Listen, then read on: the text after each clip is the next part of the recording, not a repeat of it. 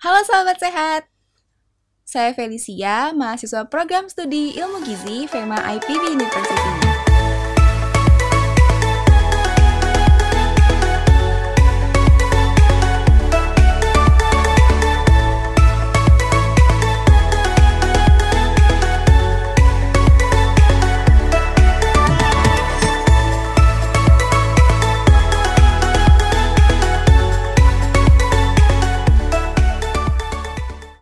Nah, selamat jumpa kembali ya di YouTube Lini Sehat, ngobrol tentang hidup sehat. Nah, sahabat sehat, kali ini kita akan ngobrol-ngobrol nih tentang plus minus keto diet oleh narasumber keren kita, yaitu Profesor Dr. Hadin Syah, MS, Guru Besar Ilmu Gizi FEMA IPB University, Ketua Umum Asosiasi Institusi Pendidikan Tinggi Gizi Indonesia, yang juga Ketua Umum Pergizi Pangan Indonesia. Oke, baik Prof. Apa kabar hari ini Prof Hardin? Kabar baik. Gimana kabar Vel? Luar biasa Prof. Ya. Nah, sesuai judul kita pada hari ini nih Prof, kan sebelumnya kita sempat bahas ya Prof. em, apa aja sih diet-diet yang dianjurkan dan tidak dianjurkan dan salah satu yang tidak dianjurkan itu adalah keto diet nih Prof. Mhm. Nah, boleh minta tolong dijelasin nggak nih Prof, keto diet itu apa sih? Ya. Jadi eh, sebenarnya di peringkat 30 sehingga tiga terakhir itu dianggap kurang dianjurkan ya. Eh, keto diet ini diet yang didasarkan pada proporsi eh, energi dari lemak itu dominan sekali. Jadi kalau kita makan itu kan sering kali ngitung-ngitung namanya energi yang dihitung dalam kilokalori ya. Iya. Jadi kalau misalnya 100% kalori yang kita makan setiap hari itu sering kali diproporsionalkan Hmm. ada zat gizi makro 3 ini terutama nih perbandingan antara energi dari karbohidrat Protein. dibandingkan dengan Oh. energi dari protein dibanding energi dari lemak. Nah, ketika keto diet dikembangkan kurang lebih seabad yang lalu, Wow. ya udah lama ya. Dan khususnya tadi untuk eh, orang dan awalnya juga bahkan eh, pada kelompok khusus lah ya yang mengalami epilepsi namanya ya, yang gampang kejang itu ya Hmm. Ternyata pada orang-orang yang mengalami epilepsi itu eh, kebutuhan energi otaknya itu lebih cocok proporsinya lebih banyak dari keton bukan dari glukos Oh. ya kalau glukos eh, sumber utamanya maka tadi akan kambuh eh, epilepsinya kejangnya nah dari penelitian sahabat yang lalu itu dibuktikan bahwa kalau persen energi dari lemak ya itu sekitar 80%. Jadi sebenarnya keto yang berkembang sekarang 70 sampai 80% ya, tapi saat itu kalau diberikan eh, dalam dietnya tadi energi dari lemaknya 80%, maka eh, gejala epilepsinya jadi menurun gitu ya. Jadi semakin membaik kondisi eh, penderita epilepsi tadi. Hmm. Nah, memang sulit membayangkan 80% ya. Jadi misalnya aja lah, kalau misalnya eh Feli ya, Ya. katakan berapa? 1.500 ada? Ada. Kira-kira kebutuhan kalorinya ya Ya. sehari. Kalau pria lebih banyak lagi ya. Jadi kalau 1.500, maka kalau 80% berarti 8 kali 15 ya, 100, 1.200. Jadi dari 1.500 kebutuhan kalori energi harian, eh, Feli, itu 80 persennya dari lemak. Artinya 1.200 kalori dari 1.500 kilokalori, ya itu dari lemak. Saudara kita tahu satu eh, gram lemak bisa menyumbang 9 kilokalori ya. Berarti 1.200 dibagi 9 itu berarti eh, berapa? 100 ditambah dengan 30 berarti sekitar 130 gram lemak. Hmm. Dari berbagai jenis makanan ya, bukan hanya makan minum minyak itu aja ya. yang artinya zat gizi yang lain juga akan akan dapat gitu ya ketika kita makan sumber-sumber lemak kan ada zat gizi di dalam. Tapi berarti sisanya hanya 20% kan? Hmm. En apa karbohidrat, Karbohidrat dan energi dari karbohidrat, energi dari protein. Hmm.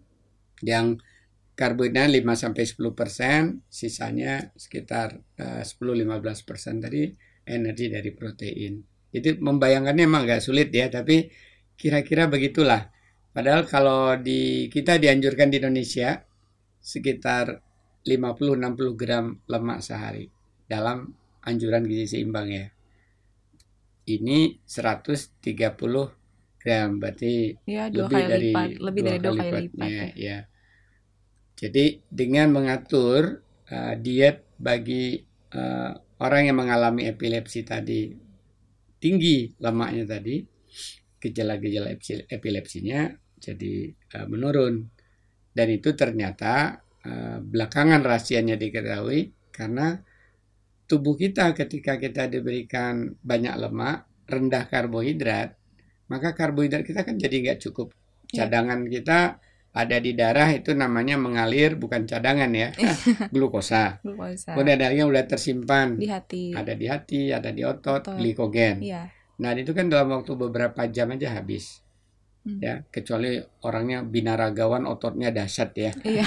kayak kalau kayak kita-kita orang biasa aja ya dalam hitungan 2-4 jam habis, maka karena itulah kita kan sering kali lapar kalau udah 4 jam ya. Iya. Sarapan jam 8, eh jam 12 sudah merasa lapar.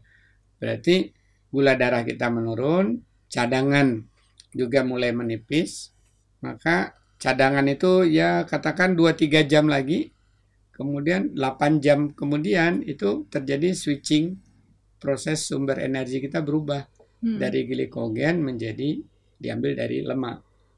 Nah, Hmm. lemak yang dibakar itulah dalam proses tadi disebut ketosis ya, menghasilkan keton. Jadi sumber energi buat siapa saja sebenarnya ya, Hmm. tapi bagi yang tadi dia mengalami Epilepsi. epilepsi ada manfaatnya. Hmm. Eh ternyata ketika orang gemuk epilepsi itu bisa menurun berat badannya. Nah, dari pengamatan itu itu juga bukti-bukti penelitiannya sudah puluhan tahun kemudian ya. Tapi dalam 20 tahun terakhir itu eh, banyak bukti orang nggak epilepsi dia coba itu dua bulan tiga bulan keto diet tuh menurunkan berat badan. Tapi berikutnya ada lagi penelitian, yaitu nanti kita bicarakan soal minusnya. Oke, berarti asal kata dari keto diet itu keto dari ketosis ya, Prof? Ya, ketosis. Oke. Proses eh, lemak tadi dipecah ya. Ya, jadi keton untuk otak ya, Iya. Prof. Oke, baik. Eh, biasanya ini kan ada plus minusnya nih, Prof, kalau diet. Ya. Eh, kira-kira plus dari keto ini ya walaupun eh, peringkatnya ada di bawah nih, Prof ya. Ya, ya. Ada tiga, termasuk tiga yang tidak dianjurkan nih. Pasti ada dong plusnya. Hmm. Ada apa aja tuh, Prof? Plus dari Ya, keto diet. Plusnya tadi dalam waktu singkat, dalam hitungan 4 minggu, 8 minggu, 12 minggu itu bisa menurunkan berat badan secara drastis ya. Kenapa? Karena tadi ketika tidak ada eh, kecukupan energi dari karbohidrat, hanya dalam arti dalam hitungan jam habis, maka tubuh kita secara otomatis memindahkan sumber energinya. Sama ya kalau ada makanan di sini, pasti kita ambil yang di sini ya kalau lapar ya. Hmm. Tapi kalau di sini habis, ada kulkas ya. Iya, Kita pergi ke kulkas atau pergi belanja ke su- supermarket. supermarket atau- atau warung terdekat ya. Jadi itu kan ibaratnya itu cadangan ya. Mm. Yang ada di kulkas, ada di dapur, ada di warung sebelah. Ya. Nah, ketika makanan yang disajikan sini habis, Feli pasti wah kita harus cari lagi nih. Nah, Hmm. tubuh kita mencari cadangan tadi yang namanya warung kulkas tadi Iya. itu namanya cadangan lemak. Nah, cadangan lemak itu kan buat orang yang obes itu kan yang harusnya di Kurangi. dikurangi. Jadi tubuh kita ketika kita gemuk uh, lemak tadi yang berlebihan harusnya itu yang ditarget untuk dipecah. Bukan uh, mengurangi otot gitu ya, bukan Hmm. mengurangi air tubuh. Bahwa air tubuh bisa dikurangi bahkan mungkin hanya dalam itu dengan obat pencahar Hmm. satu hari juga bisa bisa menurun tapi bahaya gitu ya. Iya, dehidrasi, Prof. Dehidrasi ya. Dan kekurangan elektrolit juga. Oke, baik. Eh, berarti nih eh, selain plus kan pasti ada minusnya juga nih, Prof. Apa aja tuh minusnya? Ya, minusnya ketika penelitian itu ternyata eh, jangka menengah dan panjang, ada yang dilakukan enam bulan, ada yang dilakukan 12 bulan, bahkan ada yang dilakukan sampai 2 tahun. Itu ternyata setelah mengalami penurunan uh, berat badan, ternyata ada jenis profil lemak kita itu yang hmm. tidak uh, baik. Salah satunya lemak jahat, eh bukan kolesterol jahat, kolesterol. yang bahasa lainnya itu disebut dengan LDL ya, yeah. low density lipoprotein kolesterol. LDL-nya meningkat, harusnya LDL ini kan rendah, rendah. Hmm. HDL yang harus ditingkatkan.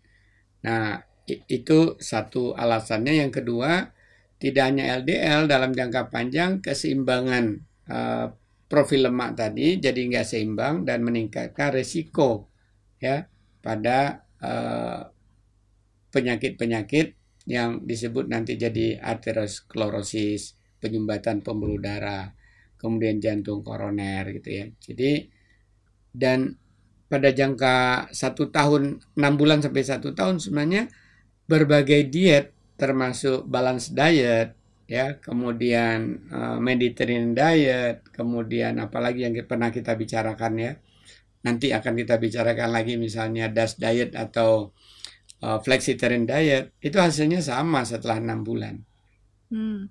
Artinya orang ikut keto turun drastis setelah itu pelan dan sulit untuk di maintain ya untuk selalu dalam kondisi keto atau ketosis tadi. Oke, baik, Prof. Hmm. Uh, berarti ya keto ini uh, cocok lah ya, Prof. Di, disebutkan kurang dianjurkan ya, Prof ya. Ya cocok untuk jangka pendek. Cocok untuk jangka pendek, tapi, tapi untuk jangka panjang kurang bagus. Please untuk tidak dianjurkan kesehatan. untuk jangka panjang ya. Oke, baik, Prof. Hmm. Uh, mungkin untuk memudahkan uh, sahabat sehat di rumah, uh, mungkin ada kesimpulan dari diskusi kita pada hari ini, Prof. Ya, kalau judulnya tadi plus minus ya. Hmm. Ada plusnya, ada ada minusnya. Jadi plusnya memang keto diet ini kalau dalam jangka pendek, katakan sebulan dua bulan itu sudah sudah bisa dirasakan manfaatnya ya. Dengan tadi 70-80 persen dari total energi tadi. Tapi tetap ya prinsipnya uh, tidak tidak mengonsumsi juga berlebihan gitu. Kalau berlebihan tetap juga nggak baik. Nah, karena itu untuk lebih efektif lagi proses yang tadi sebulan, dua bulan, tiga bulan itu dikombinasikan dengan fasting, disebut keto fasting diet. Hmm. Supaya betul kita tidak akan kelebihan karena kalau kita puasa pasti nggak akan kelebihan kan ya. Jadi proporsi yang 70-80% tadi akan bagus manfaatnya kalau DC fasting karena dengan fasting kita akan ada defisit kalori 300 sampai 500 kilokalori. Jadi di situ plusnya. Jadi happy banget buat orang yang ingin cepat. Tapi setelah itu please harus switching ke nah dia dia yang bisa mempertahankan yang setelah lah. itu. Mm -mm. Nah dari sisi negatifnya, dari sisi minusnya, kalau itu diteruskan maka kolesterol jahat atau LDL kita itu jadi Naik. meningkat dan itu salah satu sumber risiko untuk penyakit-penyakit yang disebut dengan cardiovascular disease ya ada jantung koroner ada arteriosklerosis hmm. bahkan stroke ya Oke baik, tadi sempat disebutkan fasting ya mungkin sahabat sehat di rumah uh, kurang familiar fasting itu artinya berpuasa ya Prof ya? Iya, okay. fasting artinya puasa, jadi dalam waktu tertentu tidak makan dan tidak minum ya. Ya. Tapi dianjurkan itu ya bisa 8 jam, bisa 12 jam, bisa 16 jam. Tapi kalau dia muslim ya udah sekalian aja ikut yang itu sekalian mungkin dia cari tahu. ya. ya. Antara jam 4 sampai jam 6 itu berapa ya? 14 jam. Hmm. Oke, okay, baik, Prof. Baik, terima kasih banyak Prof hari ini ya. sangat uh, banyak ya informasi yang kita dapat. Tentunya sahabat sehat di rumah juga pasti banyak nih dapat inspire apa inspirasi-inspirasi baru apakah uh, keto diet tuh sebenarnya hits di Indonesia kenapa sih kok uh, dietnya kurang bagus gitu ya tapi kenapa bisa sampai um, hits gitu di Indonesia. Nah tadi sudah dijelaskan oleh Prof Hadin. Terima kasih banyak Prof. Sama-sama. Uh, terima kasih banyak atas ilmunya dan waktunya pada hari ini. Semoga di episode selanjutnya nih masih banyak lagi yeah. pastinya yang akan kita bahas. Baik. Nah, sahabat sehat, ternyata banyak ya informasi baru yang bermanfaat yang kita peroleh pada obrolan sehat kali ini. Nah, itulah tadi obrolan hidup sehat kita bersama Prof. Hardin mengenai plus minus keto diet. Dan sayang banget nih bila informasi bermanfaat ini tidak kita share ke teman-teman, keluarga, serta kerabat kita karena sharing is caring. Nah, silakan sahabat sehat subscribe dan share video ini agar bermanfaat dan membahagiakan sahabat, keluarga, teman dekat, dan sahabat lainnya. Jangan lupa klik tanda lonceng agar sahabat sehat menjadi orang pertama yang tahu berbagai video hidup sehat terbaru dari kami. Saya Felicia dan Prof Hadi di sini pamit undur diri.